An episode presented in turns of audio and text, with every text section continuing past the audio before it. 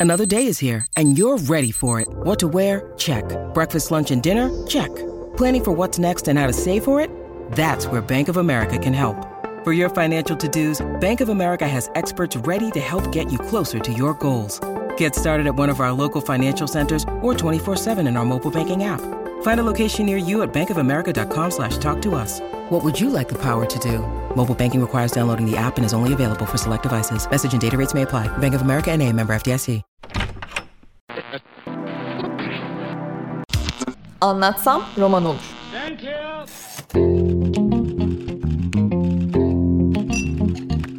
Bazı kültür sanat konuşmaları.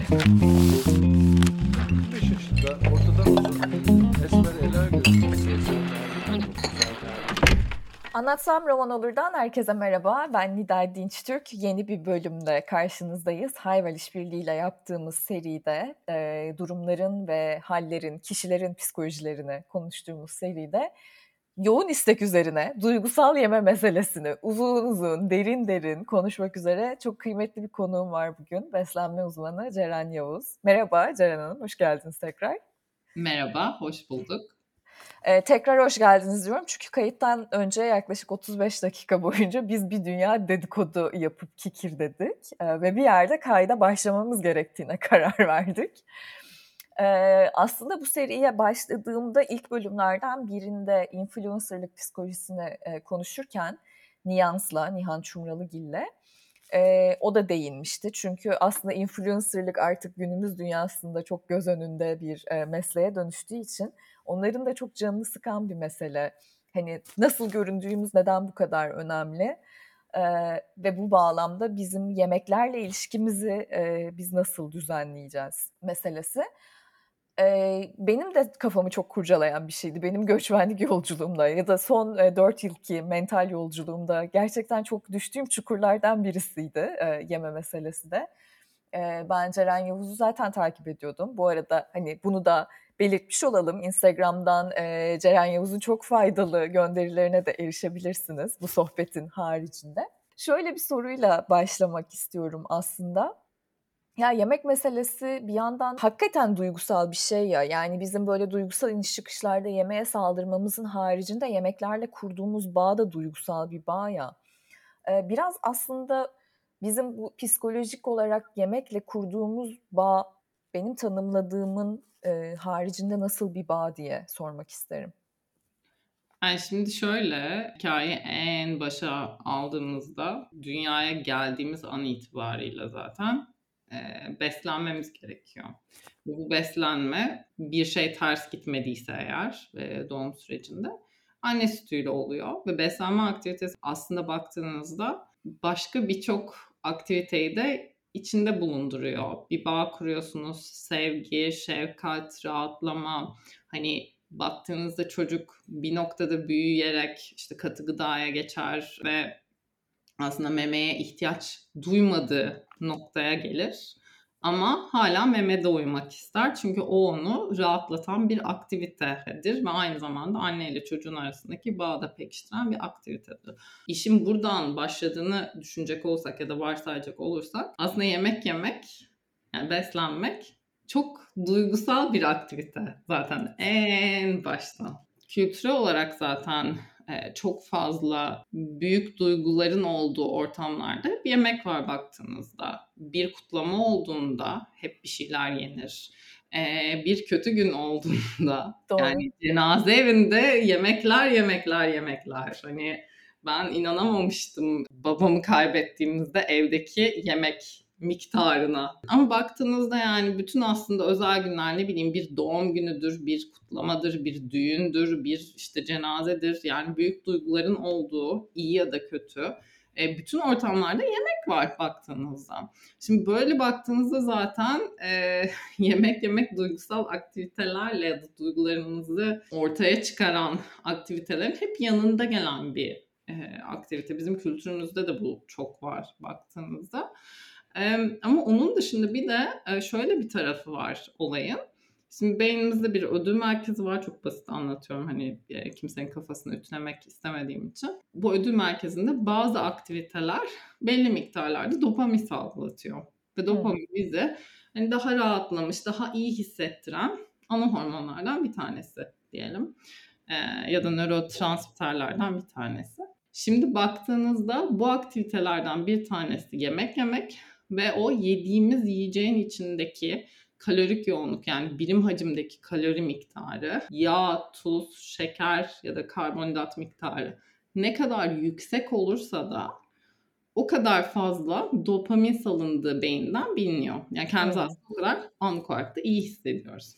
Ve buradan baktığınızda aslında iyi günde de kötü günde de yenen bütün yiyecekler zaten yoğun kalorili. Bütün yiyecekler aslında bizim o anda hissettiğimiz çok pozitif de olabilir, çok mutlu bir günde olabilir, çok mutsuz bir günde olabilir. Ama bu e, duyguları birazcık nötrlüyor gibi bir etkisi oluyor yemek yemenin. Yani biraz daha böyle hani e, başa çıkılabilir bir hale getiriyor e, o hissettiğimiz duyguları.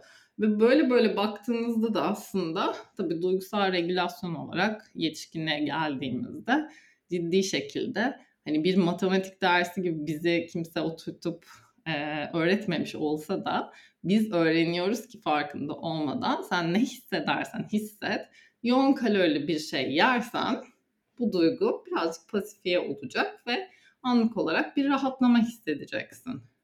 Derken bu nereye gidiyor zaman içinde bu sefer? E, artık duygusal olarak zorlandığınız noktalarda hani bir kutlamadır, bir bir şeydir falan kötü bir gün vesaire bir şey olmasa bile tek başınızdayken bu sefer bir noktada bakıyorsunuz ki hmm, kendimi kötü hissediyorum. En kolay bunu nasıl çözebilirim? Çözüm tırnak içinde bir çözüm. Derken bir bakmışsınız farkında olmadan bir şeyler yemeye gitmeye başlıyorsunuz ve bu davranış kendini reinforce ettikçe de kökleniyor. Bir kere yiyorsunuz, işte bir kere kendinizi uyduruyorum kötü hissettiniz bir şey oldu. Gittiniz bir paket çikolata yediniz ve sonrasında birazcık olsun rahatladığınızı fark ettiniz. Üç gün sonra kendinizi kötü hissettiğinizde beyniniz diyor ki kendi içinde farkında olmazsa. Hmm, bak yine kötü hissediyorsun. Üç gün önce çikolata yemiştim ve daha iyi hissetmiştim sonucunda. Tekrar korkunç. misin? Ve sonrasında bu işte bu davranış böyle reinforce edile edile edile edile bir, bir noktada artık düşünmeden yaptığınız bir noktaya geliyor. Hani ufacıcık bir kötü hissetmenin sonucunda otopilotta bu sefer çikolata aramaya başlıyorsunuz. Çikolata bir örnek. Bu başka bir şey de olabilir. Yoğun kalorili herhangi bir yiyecek olabilir. Ama e, sistem kabaca bu şekilde işliyor. Öyle diyebilirim. Bilmiyorum sorunuza cevap oldu mu? Yok kesinlikle oldu. Sıradaki soru şu. Peki bu sistemi kapatmanın bir yolu var mı? yani duygusal yemeyle başa çıkmak dediğimiz çünkü aslında galiba bunu kontrol edebilmek. Bu arada şunu da söylemek isterim. Ee, ben Ceren Hanım'ı beslenme uzmanı olarak tanıttım. E, çünkü aslında profesyonel title o. Fakat aslında kendisine başvurduğunuzda size diyet reçeteleri yazmaktan ziyade yemeklerle ilişkinizi düzenlemek ve aslında vücudunuzu dinlemek, gerçekten acıktığınız ya da duygusal olarak buraya kaçtığınız anları fark etmek için danışmanlık e, alıyorsunuz. Ben bu anlamda çok kıymetli buluyorum e, aslında onun yaptığı işi. Ve evet şimdi kamuya açık tekrar soruyorum.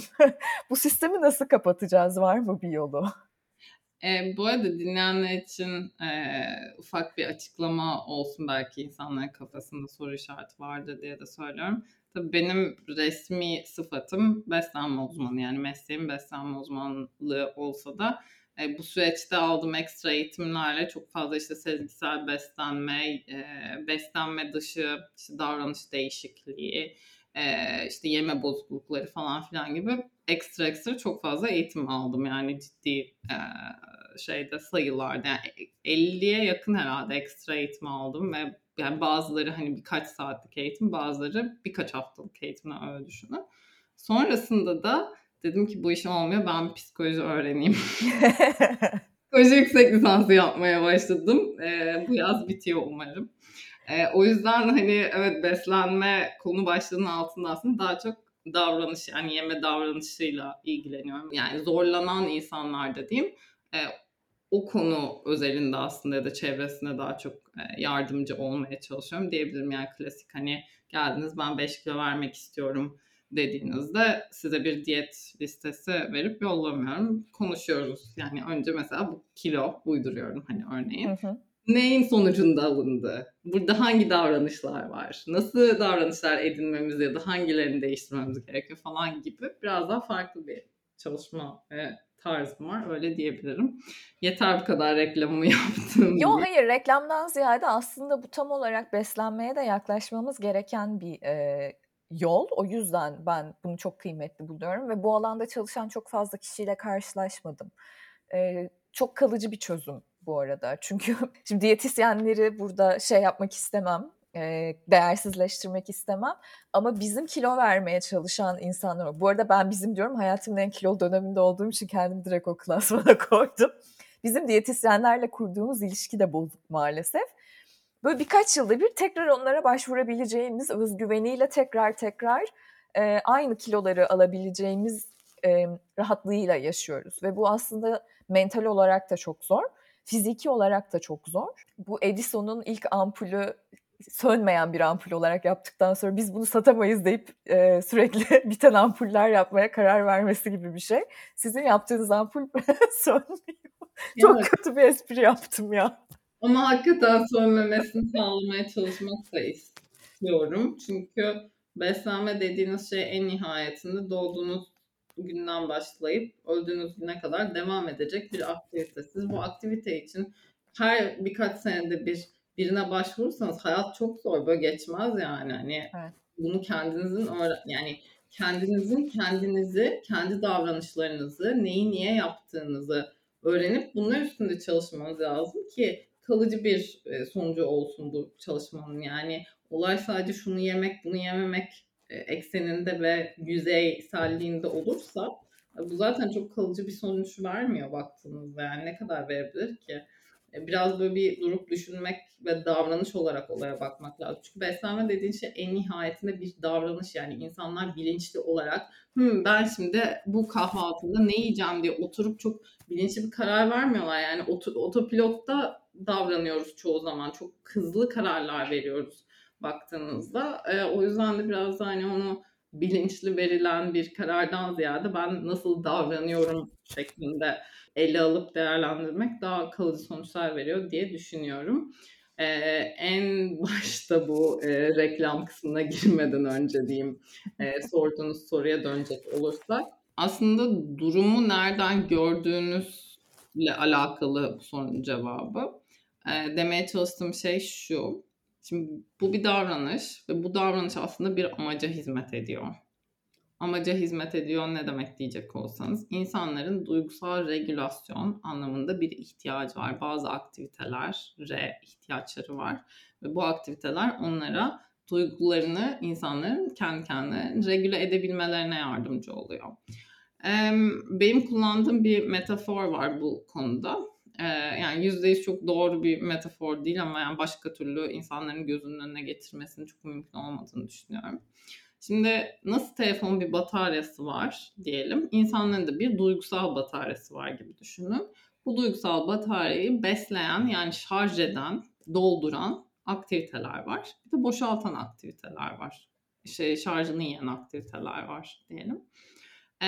Bu bataryayı dolduran aktiviteler e, sağlık için iyi, nötr ya da kötü olarak sınıflandırılabilen farklı kategoride bir sürü aktivite. Bunlar neler de diyecek olsanız mesela sağlık anlamında işte nötr olanlar mesela hobiler yani müzik dinlemek işte resim yapmak vesaire. Sağlık anlamında muhtemelen pozitif olan e, aktiviteler.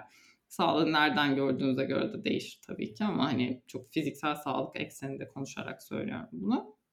Mesela spor yapmak ya da daha işte sosyal sağlık e, ekseninde söylüyorum. Sosyalleşmek, sevdiğimiz insanlarla vakit geçirmek, iletişimde bulunmak vesaire. İşte ne bileyim yoga, meditasyon, işte sosyokültürel aktiviteler, ne bileyim sinemaya, tiyatroya gitmek ya da kişisel bakım aktiviteleri gibi şeyler. E, genel olarak hani sağlık anlamında nötr ya da pozitif etkisi olan aktiviteler gibi konumlandırabiliriz. Bir de sağlık anlamında aslında e, negatif etkisi olan e, başa çıkma davranışları var. E, yine bataryayı besleyen. Bunlar da nedir diyecek olursak çok sık yapıldığında yemek yemek diye başlayacak olursak sigara içmek, alkol tüketmek, e, uyuşturucu kullanmak gibi böyle e, aşağı doğru giden e, farklı aktivitelere gidiyor. Şimdi bunlar bizim duygusal bataryamızı dolduruyor. Yani duygusal e, olarak bazı şeylerle başa çıkabilme, yani duygusal iniş çıkışlarla başa çıkabilme kapasitesi veriyor gibi düşünün bize.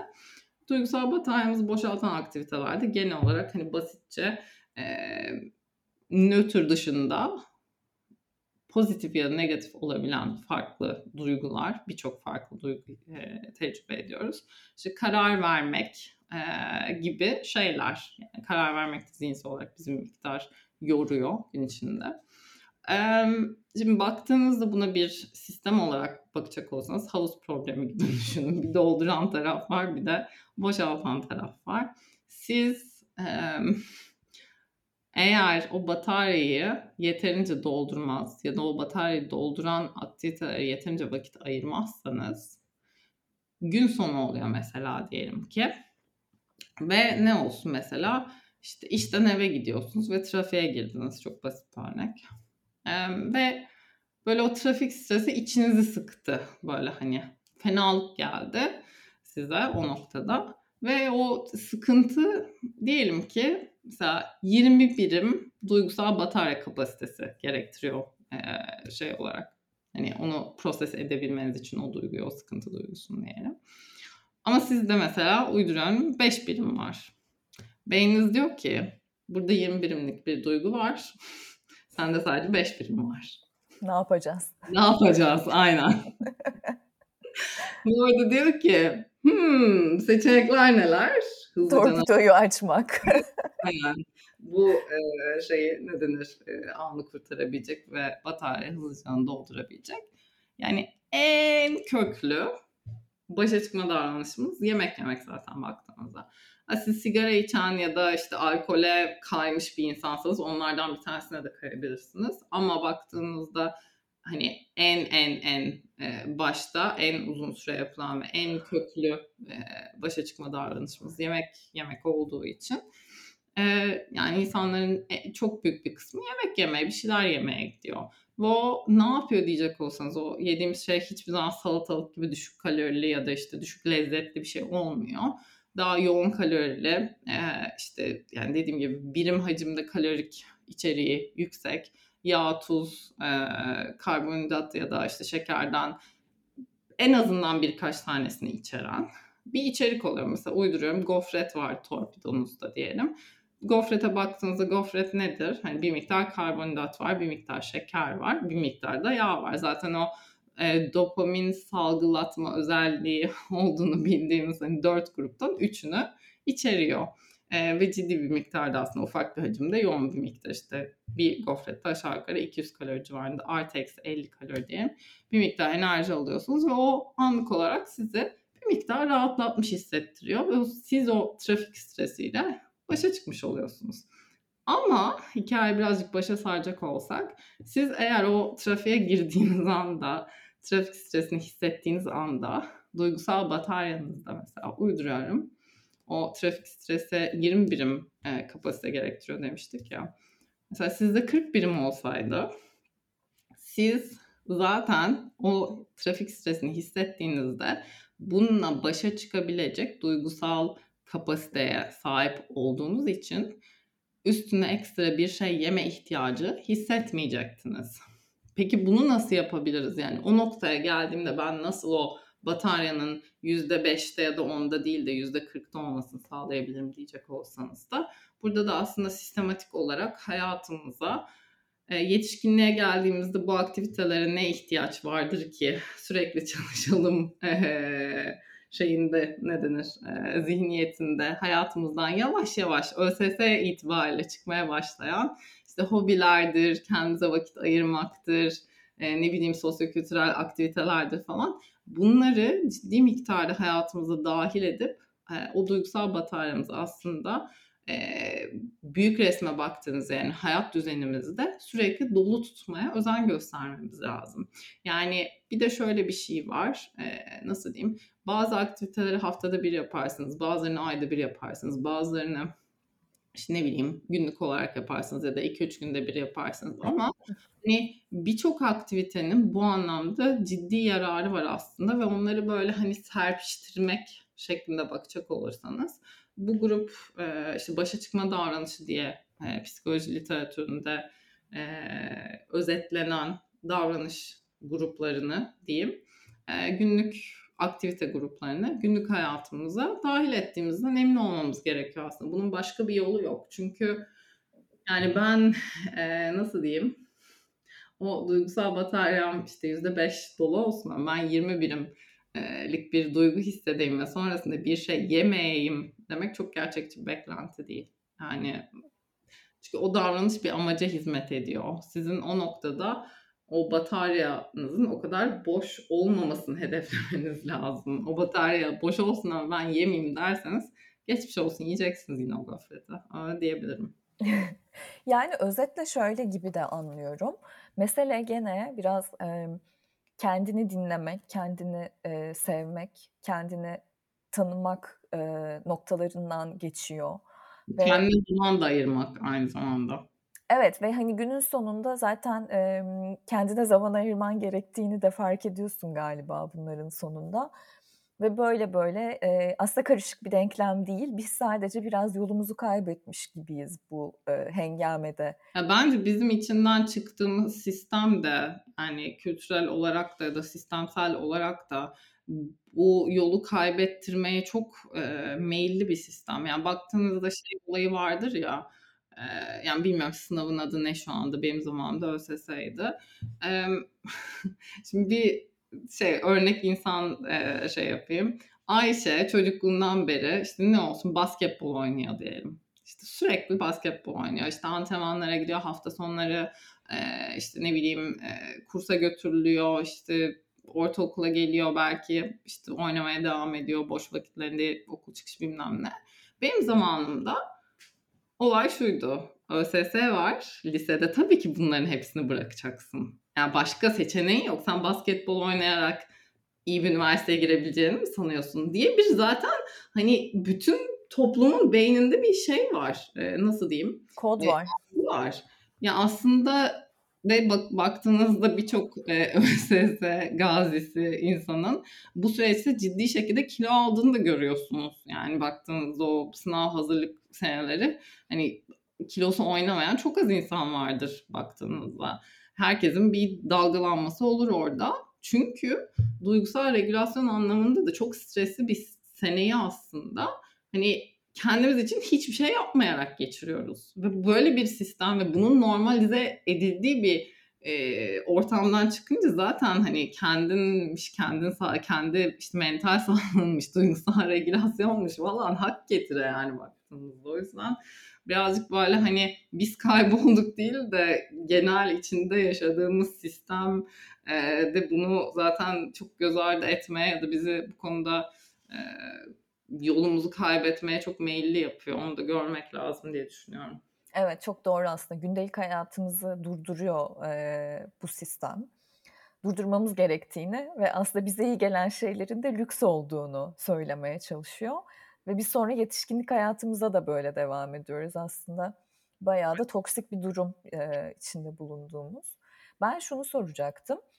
Şimdi bu seride aslında e, ben konukların deneyimlerini dinlemeyi de çok kıymetli buluyorum. Bir de şeyi de biliyorum. Aslında sizin üniversiteden çıkışınız doğrudan bu bölümle alakalı değil ve bu, bu sizin aslında ikinci mesleğiniz. Hatta gene bir Ceren Yavuz reklamı yapacağım eğer herkes hazırsa.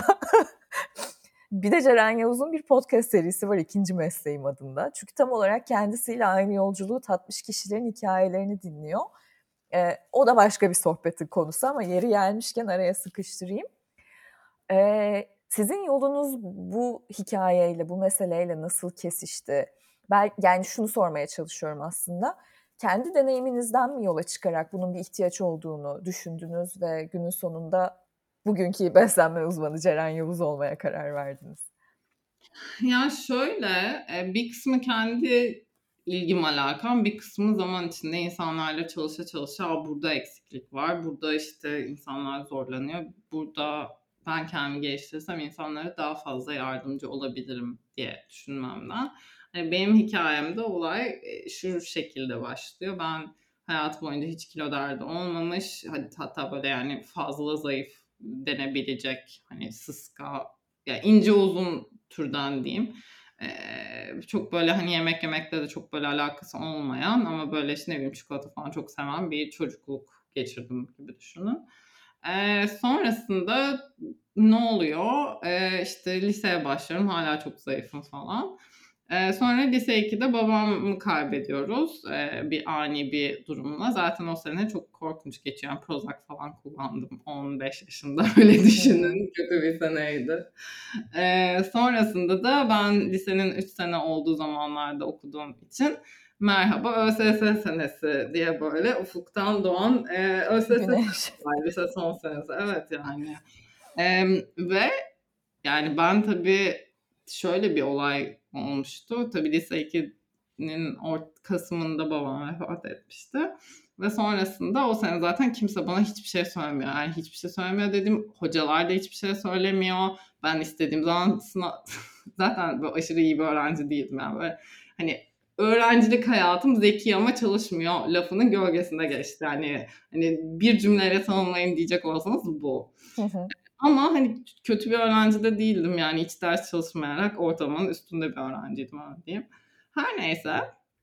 Ee, ama böyle hani bu olaydan sonra ben işte istediğim zaman dersten çıkıyorum kimse hiçbir şey demiyor böyle girmiyorum derslere falan böyle hani böyle işte bir şey oluyor işte böyle kafam atıyor çıkıyorum falan yani gerçekten hiç kimse hiçbir şey söylemiyor. Annem de hiçbir şey söylemiyor işte ben sürekli okula ya yani okuldan dönüyorum sürekli arkadaşlarım evim dışarıdayım falan hiç böyle evde oturmuyorum falan. Neyse. ee, sonra tabii bu senenin sonunda yani yaz oldu. Ee, ve annem beni oturtup bir konuşma yaptı. Ee, dedik yani böyle devam edersen hani ÖSS sonucunda bu iyi bir yere gitmeyecek yani. Hani biraz kendine gelmen gerekiyor artık falan. E, neyse işte şey e, ne denir oturup biraz ders çalışmak ister misin? İyi bir üniversiteye gitmeni istiyorum çocuğum e, temalı e, bir konuşma. E, ben de tabii o zaman e, şimdi çok yanlış bir şey söylemek istemiyorum ama içinde bulunduğum okuldan, çevreden falan hiç mutlu değildim. E, bir özel okula gidiyordum ismini söylemeyeyim. E, aşırı zengin insanların olduğu e, ve işte okulun yarısını zaten yurt dışına gittiği e, böyle, yani ben o dünyanın bir parçası değilim. O dünyanın dertleri benim dertlerim değil. Benim dertlerim onların dertleri değil. Ben bu dünyadan daha farklı bir dünyada yaşamak istiyorum diye düşünüp ben devlet üniversitesine girmek zorundayım. Ben bu insanlarla çevrili olmak istemiyorum. Asla özel burslu özel okulda yazmadım yani öyle diyeyim. Hani asla özel okula gitmek istemiyorum. Ben bu insanlardan farklı bir çevrede şey yapmak istiyorum dedim. Ya tabii şöyle de bir konteks var. Ee, yani çok böyle e, kendi kişisel yolculuğun büyük bir kısmını e, paylaşacağım şimdi ama yani çocukluk biraz terapi seansına dönüyor şu anda burada. Yok bence lütfen dönsün çünkü ben bu serinin bu yanını seviyorum.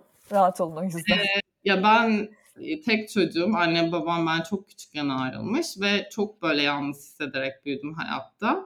E, ve sonrasında çevremdeki insanların farklı dünyalardan olmasından dolayı da e, bütün okul hayatımda çok insanlarla anlaşamadım. Anlaşmakta çok zor zorluk çektim. Çünkü yani Türkiye'nin en zenginleriyle birlikte okuyunca ve siz o kadar zengin bir aileden olmayınca ve farklı bir kültürden de gelince yani hani zengin olmamanın ötesinde zengin o, o kadar zengin olmaya aspire eden bir ailem de yok. Hani anlatabiliyor muyum? Hı hı. Yani, e, benim annem e, edebiyat mezunu bir öğretmen ve babam bir doktor. Yani okey tamam okumuş etmiş insanlar ama böyle hani zenginlik iyidir, zengin olalım ve daha fazla çalışan, para kazanalım falan hırsı olan insanlar da değil.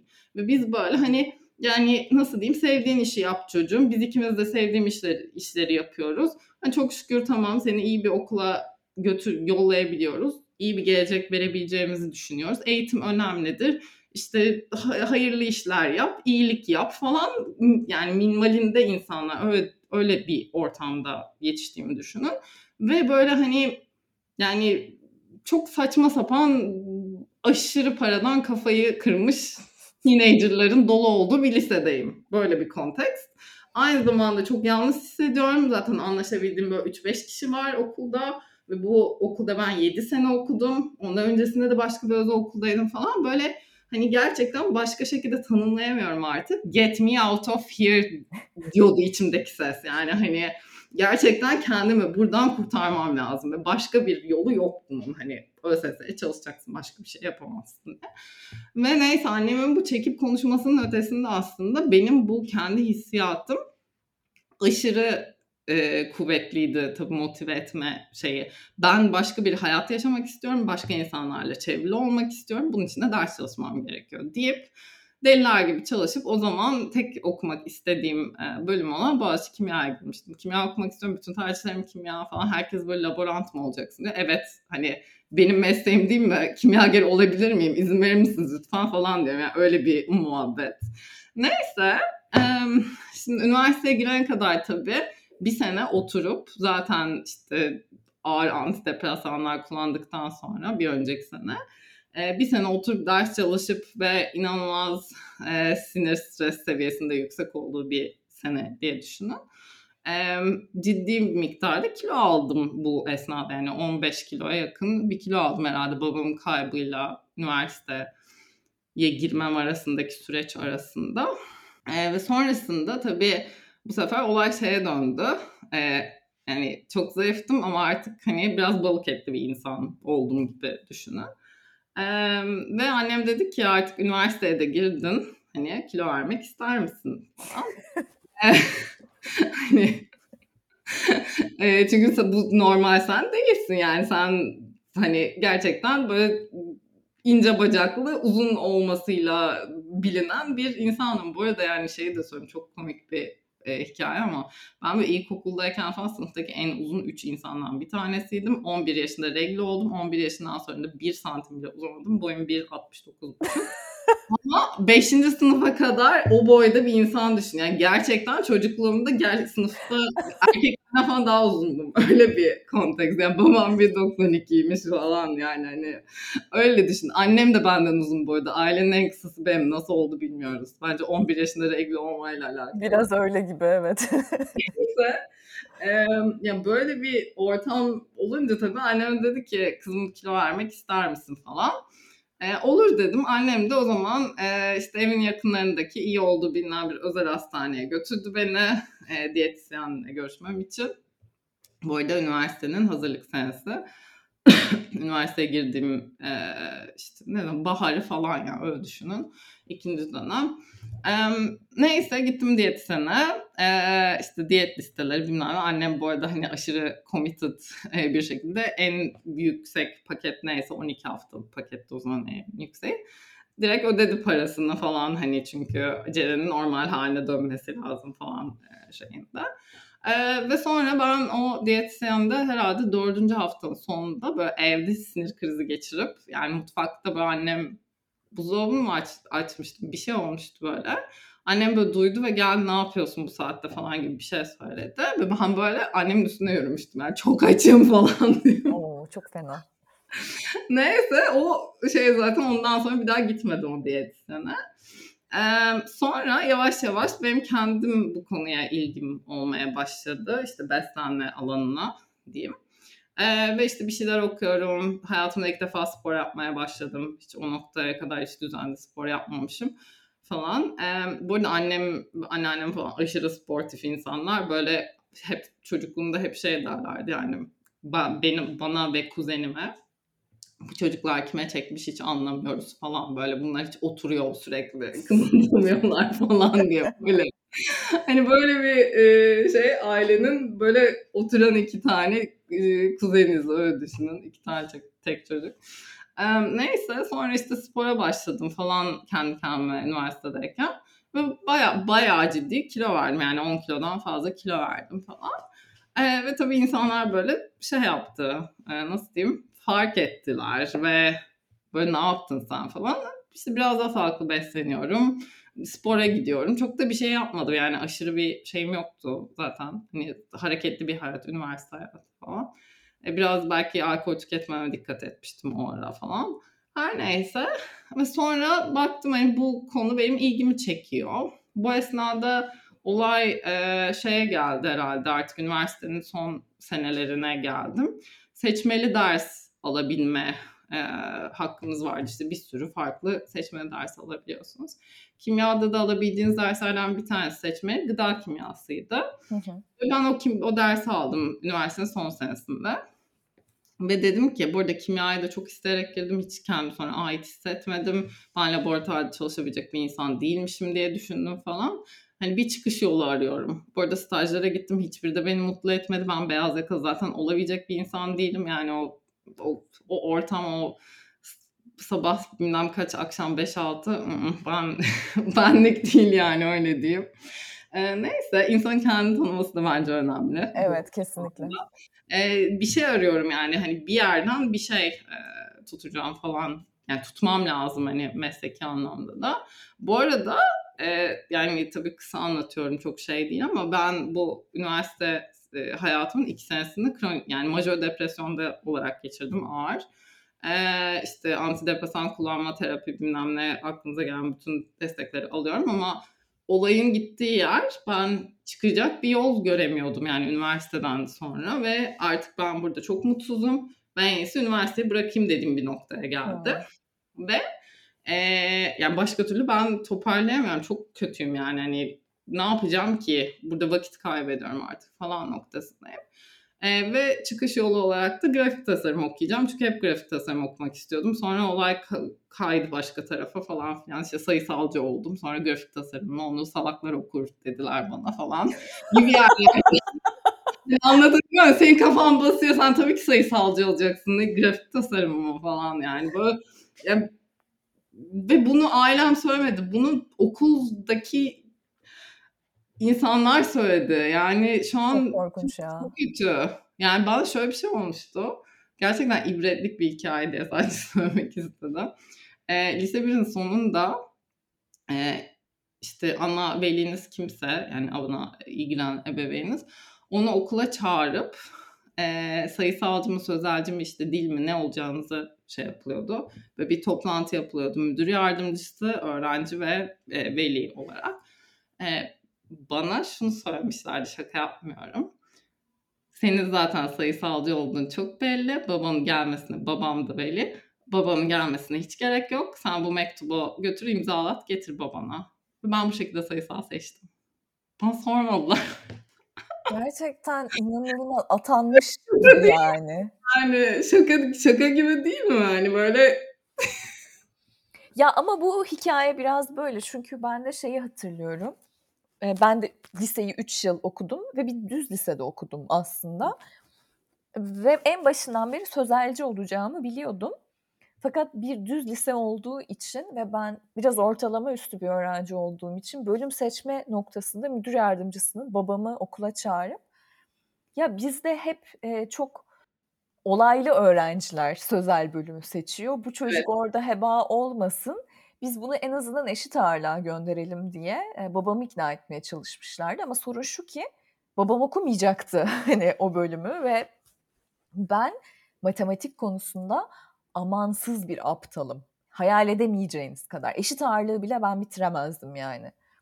Ben dedim ki benim için problem değil. Ben ne yapar eder orada hayatta kalırım. Sözelden başka şansım yok. Hayatta kalamam yani. Başka bir bölümde. Ee, ve gerçekten inatla, ısrarla e, okul yönetimini ikna ederek sözel bölüm okudum ben de lisede. Ha ne oldu sonra? Bu da güzel bir hikaye. Benim sınıf arkadaşlarımın önemli bir kısmı Üsküdar Küplücü hattında minibüs şoförü oldular. Hepsine selam olsun bu arada. Ve ben onların arasından çıkıp üniversiteyi kazanan tek öğrenci oldum muhtemelen o sınıfta. Ee, sonra Helal. da Teşekkür ederim ama zor değildi yani şu anlamda zor değildi. Biraz benle de alakalıydı. Ne yapmak istediğimi o zaman biliyormuşum demek. Yani şanslı adlediyorum kendimi. Çünkü bir yandan hayatla ilgili karar vermek için de çok erken bir aşama. Ee, ama evet ya benzer bir şeyden manipülasyon ya da ikna odasına çekilme e, sürecinden ben de geçtim evet. Öyle oluyor hakikaten. Yani zaten şöyle bir şey de var. İşte bir lise 1'in sonunda bu olay olduktan sonra zaten lise 2'nin 3. ayında da babam vefat edince ben zaten pek hayatla ilgili ne oluyor falan diye düşünemeden zaten lise son senesi geldi ve ben sayısalcı olarak lise sona başladım. Ve şeyi düşünüyorum işte ailemde çok fazla doktor var olabilir miyim? Zaten olamayacağım çok önceden biliyordum kan falan ben çok hoşlanmam böyle şeye. Hastane ortamı da hiç bana göre değil yani. Neyse onu elediniz. E, mimar var dayımlar. Aa, o, o da yani o başka bir kabiliyet gerektiriyor. O bende olan bir şey değil falan. Yani mühendislik zaten böyle of çok matematik falan hani hiç bana göre değil. Bir tek iyi sevdiğim ders ve yapabildiğim ve gerçekten bana hani kafamı bastığını ve e, keyif aldığımı hissetmiş şey kimya. Bari o zaman bunu okuyayım dedim yani bu. hani baktığınızda çoktan seçmeli cevapları, cevabını bilmediğiniz bir şeyin doğru cevabını bulmaya çalışsınız ya. Bu değil ya eminim falan. Hani bu değil. E, geriye bu kaldı bari bunu okuyayım. Bunu yapayım gibi olmuş evet. Gerçekten. Neyse.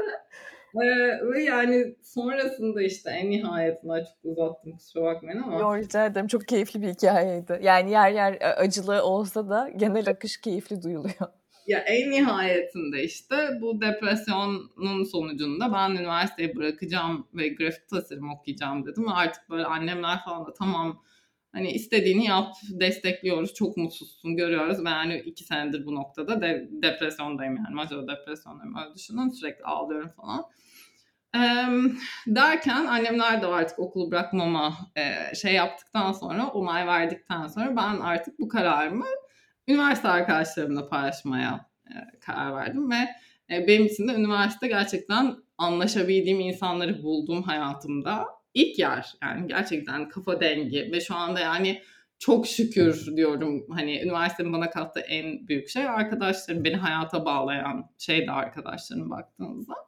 Her neyse e, onlar dediler ki yani hatta isimlerini de sayalım buradan. Kaydelen Sima, Ece, Didem ve Gizem beşi çok e, şey bu kararıma karşı çıkarak yani Ceren saçmalama hani bu kadar sene harcadın yani o noktada artık kaçıncı yani üniversitedeki beşinci senemdeyim diye öyle düşünün.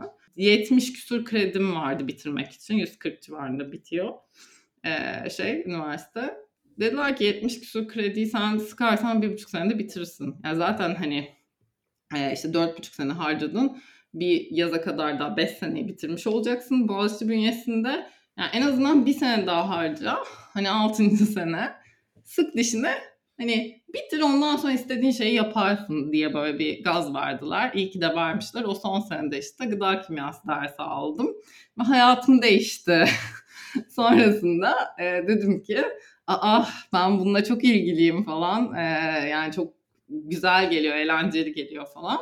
Sonrasında dedim ki ben bari beslenme okuyayım yani yapabileceğim bir şey yok. Daha doğrusu önce gıda kimyası okuyayım diye başladı. Sonra gıda kimyası daha çok laboratuvar içeriyor. Programlar böyle gıda kimyası ve beslenme gibiydi zaten hep. Sonra ben böyle gıda kimyasını çıkarınca denklemden ne kalıyor diye baktım. Beslenme kaldı. Derken işte yüksek lisans yaptım beslenme alanında. İki tane. E, bu esnada da tabii e, birebir danışmanlık vermeye başladıktan sonra yani mezun olduktan ve kendi işimi kurduktan vesaire sonra e, gördüm ki insanların aslında yani çok zorlandıkları temel noktalardan bir tanesi hani kimse sağlık nasıl diyeyim kimse sağlıklı beslenmenin ne olduğunu bilmiyor diye bir noktada değil. Yani herkes sağlıklı beslenmenin ne olduğunu biliyor. Neyin de aşağı yukarı sağlıkları için fazla tüketilirse kötü olduğunu, kötü bir etkisi olacağını daha doğrusu biliyor. Ama yapamıyor. Farklı sebeplerle baktığınızda. Bir de o sağlıklı beslenme fikri bu insanları ne kadar mutlu ediyor. Ee, onu kendi hayatımıza adapte etmekle ilgili de çok büyük bir problemimiz var bence. Yani benim tabii e, gördüğüm insanlar yani birebir şeyde e, danışmanlık konteksinde yani bir şekilde bunu yapmak isteyen insanlar, hmm. maddi manevi bu konuda efor sarf eden insanlar yani o o popülasyon içinden konuşuyorum herkes olarak değil öyle düşünün. Ee, ama baktığınızda bu kitleye yani çok büyük bir kısmı duygusal regülasyon konusunda sıkıntı çekip duygusal yeme e, tarafından gerçekten sıkıntı çekiyor derken e, ben de bari birazcık bu konuda kendimi geliştireyim ve bu insanlara daha fazla yardımcı olabileyim dedim. E, derken zaman içinde çalışma alanım sadece bu alana evrildi neredeyse yani e, diyebilirim. Ama hani kişisel olarak da e, hani böyle amansız bir duygusal yiyici asla olmadım öyle diyeyim. E, ama e, yani o işte kötü senelerimde yani lise, üniversite falan şu an geriye dönüp baktığımda bayağı duygusal yediğimi görebiliyorum yani. Hani e, çok normal olmayan davranışlar. Yani şöyle, şöyle bir hikaye anlatayım. Çok eski ev arkadaşlarım da bunu hatırlar. E, işte iki tane ev arkadaşım vardı. Üç kişi kalıyoruz. Apartmanın altında da e, şey var. Market var bir tane. Neyse uçak savar sitesine giderken Etiler'de hatta yani Boğaziçi'nin e, uçak savar kampüsünün karşısındaki apartmanlardan bir tanesi. Altında bir market var. Yani iki kat indiğinizde kocaman bir market var. Bayağı bildiğiniz.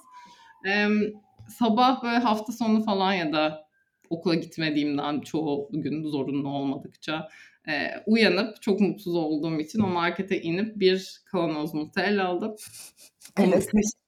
Şaka yapmıyorum. Yani açıp yani onu böyle alıp koltuğa oturup salondaki açıp kaşıklayıp bitirip sonra mide ağrısıyla yatağa girip böyle o günü öyle ölü e, pozisyonunda geçirmişim çok var. Yani bunlar normal davranışlar mı? Tabii ki değil. Ama zaten e, hani o noktada majör depresyonda olduğumu da düşünecek olursanız ve hayatın hiçbir anlamı olmadığını ve ben ne yapıyorum ki şu anda diye düşündüğünde düşünecek olursanız hani kontekstsel olarak e, mantıklı görünüyor o davranışta. Ama dediğim gibi hani e, belki o noktaya gelmeyebilirdim duygusal e, olarak daha desteklendiğim bir düzenin içinde olsaydım. Hani o böyle İngilizce'de rock bottom denen e, dibi görmeyebilirdim muhtemelen. Öyle diyebilirim. Peki şunu soracağım. Ee, şimdi bu bölümü aslında yeni yılın ilk günlerinde dinleyecek e, dinleyiciler ve yeni yıl yeni ben mottoları havada uçuşuyor olacak e, bu sırada. Bu yeni yıl hedeflerinden en, en klişesi tabii ki sağlıklı yaşamaya karar vermek ya da işte diyete başlamak, spora başlamak. Ez cümle aslında kilo kontrolü yapabilmek. Ee, bir diğer seçenek belki e, terapiye başlamak olabilir. Bu konuştuklarımızdan yola çıkarak şunu soracağım. Aslında gerçekten hani kendini tanıma yolculuğu terapiyle mümkün oluyorsa belki yeme davranışımızdaki bozuklukları da keşfedip bunun çözümünü bulmak e, burada olabilir mi? Ben zaten şakayla karışık e, herhalde en çok psikoloğa yönlendiren e, beslenme uzmanıyımdır. Gerçekten çok iyiymiş. Yani inanılmaz. Hani yani çalıştığım herhalde insanların yüzde e, belki 30'unun diyeyim ya da 40'ının çalışmaya başladığımızda zaten düzenli bir e, psikolojik destek alma durumu oluyor. Geri kalan herhalde yüzde 50'sini ya da 55'ini vesaire de ben yönlendiriyorum ve bir noktada gerçekten hani buna ihtiyaçları olduğunu e, düşündüğüm, gördüğüm için e, hani bir noktada benim psikoloji okumaya karar vermem de benim birazcık daha bu konuları anlayabilmem ve bilebilmem sonrasında belki e, daha minik şeylerde belki biraz daha yardımcı olabilirim diye de düşünmem de açıkçası. Çünkü hani profesyonel yardım almak bir noktada bir maddi bariyerle de karşılaşabiliyor. E, ve iki profesyonelden aynı anda yardım almak bazen e, bütçesel olarak insanları çok zorlayabiliyor ve ben orada takılıyorum bu sefer. Kendi işimi yapamaz noktaya geldiğim için. Ben birazcık psikoloji öğreneyim. Hani terapi falan kesinlikle böyle bir destek değil ama e, birazcık daha hani kendi alet çantamda bu alette olursa belki biraz daha belki danışanlarım %10'unu 15'ini bir noktada en azından maddi olarak belki rahatladıkları noktaya gelene kadar vesaire e, destek olabilirim deyip e, şey yapmıştım. Çünkü bir noktada o psikolojik desteği almayınca, alamayınca da insanlar tıkanıyorsunuz yani bazı şeylerde, bazı konularda. E, ve bu sefer ben kendi işimi yapamıyor oluyorum gibi bir yere geliyor ve bu bariyerle çok karşılaşmaya başlayınca bir noktada bu karar vermem e, konusunda da etkili olmuştu. Uzun lafın kısası e, bence terapi hele ki duygusal yeme konusunda zorlanan insanlar varsa eğer bu bölümü dinleyen e, çok tavsiye edebileceğim bir şey. Yani kendim de çok uzun süre e, terapi almış bir insan olarak farklı dönemlerde e, çok yararını gördüm. E, kendimi, kendi davranışlarımı, neyi niye yaptığımı ya da neye niye bu şekilde tepki verdiğimi e, görebilmem e, ve kendi iç huzuruma daha çok yaklaşabilmem için e, çok faydalı oldu ve dediğim gibi yani hani bu konuda eğer sıkıntı çekiyorsa dinleyenler bir tarafı evet hani yeme davranışı ama bir tarafı da bence psikolojik destek. Evet o zaman aslında yeri gelmişken bizim de bir faydamız olur belki. Ee, bildiğiniz gibi bu seriyi biz Hayvel işbirliğiyle yapıyoruz ve Anlatsam Roman Olur dinleyicileri için bir indirim kodu var. Bölümün açıklama kısmında e, bulabilirsiniz. Eğer yeni yılda kendinize böyle bir iyilik yapmak isterseniz biz de belki bu vesileyle yardımcı olmuş e, oluruz. E, son olarak şunu soracağım. Bu çok büyük bir konu ve bunun üstüne bir seri yapabiliriz gibi hissediyorum. E, toparlamakta çok zorlanıyorum çünkü hala merak ettiğim bin tane şey var ama bu konuyla alakalı pek konuşulmadığını düşündüğünüz ama aslında çok da kritik olan bir mesele var mı? Bunu hiç konuşmuyoruz ve var ya bu o kadar kritik bir yerde ki her şeyi değiştiriyor aslında gibi. Şöyle bir şey söyleyebilirim. Yani genel sağlık olarak baktığınızda aslında evet beslenme önemli, önemsiz demem. Ama beslenme kadar aslında birçok farklı önemli olan başka başlık da var. Yani beslenme sadece sağlık puzzle'ında bir parça. Tek bir parçayla puzzle'ı tamamlamak konteksine baktığınızda hiçbir şey ifade etmiyor. Ee, genel olarak hani sağlık davranışı dediğimiz işte ne bileyim stres yönetimi, uyku, hareket, işte sosyal hayat, ne bileyim sigara tüketmemek, işte güneşe aşırı maruz kalmamak falan filan gibi aslında birçok böyle irili ufaklı başlık var. Ee, çoğu insan özellikle sağlık konteksinde diyeyim e, ya da kilo yönetimi anlamında da e, beslenmeye odaklanıyor. Ama sağlık aslında çok daha geniş bir şey ve e, biraz belki hani büyük resme bakmayı öğrenmek ve sadece beslenmenizi değiştirince çok sağlıklı olmayı değil, o bahsettiğim puzzle'ın diğer parçalarıyla birlikte hepsi konusunda ortalama anlamda biraz daha iyi bir noktada olursanız büyük ihtimalle sağlığınız anlamında daha anlamlı bir şey yapmış olacağınızı e, belki vurgulamak yararlı olur. Bilmiyorum ne kadar anlatabildim ne demek istediğimi ama denedim en. Yo bence anlaşıldı. Bence anlaşıldı. Peki çok teşekkür ederim. Çok tadı damağımda kalan bir sohbet oldu. Ee, bu beslenme konusunun sonunda bunu söylemem de çok manidar olmadım bu arada. Ee, ama zihin açıcı olduğunu düşünüyorum dinleyenler için de benim için de e, öyle oldu. E, bu vesileyle güzel bir yıl diliyorum e, hepimiz için hem size hem e, bütün dinleyenlere. E, umarım bütün hedeflerimizi gerçekleştirebildiğimiz, kendimizle ilgili, kendimizi iyi hissedeceğimiz e, hedefleri gerçekleştirebileceğimiz bir yıl olur. 2023'ün ilk bölümünü de sizinle yayınlamış olduk böylece Ceren Hanım. E, böyle çok teşekkür ederim tekrardan. Ben teşekkür ederim. Umarım e, dinleyenlere iyi gelen, artık ne anlamda iyi gelecekse e, benim hikayemi duymak o anlamda iyi geleceği şekilde diyeyim. E, keyifli bir sohbet olmuştur umarım. Peki. Görüşmek üzere öyleyse. Hoşçakalın. Görüşmek üzere. Hoşçakalın.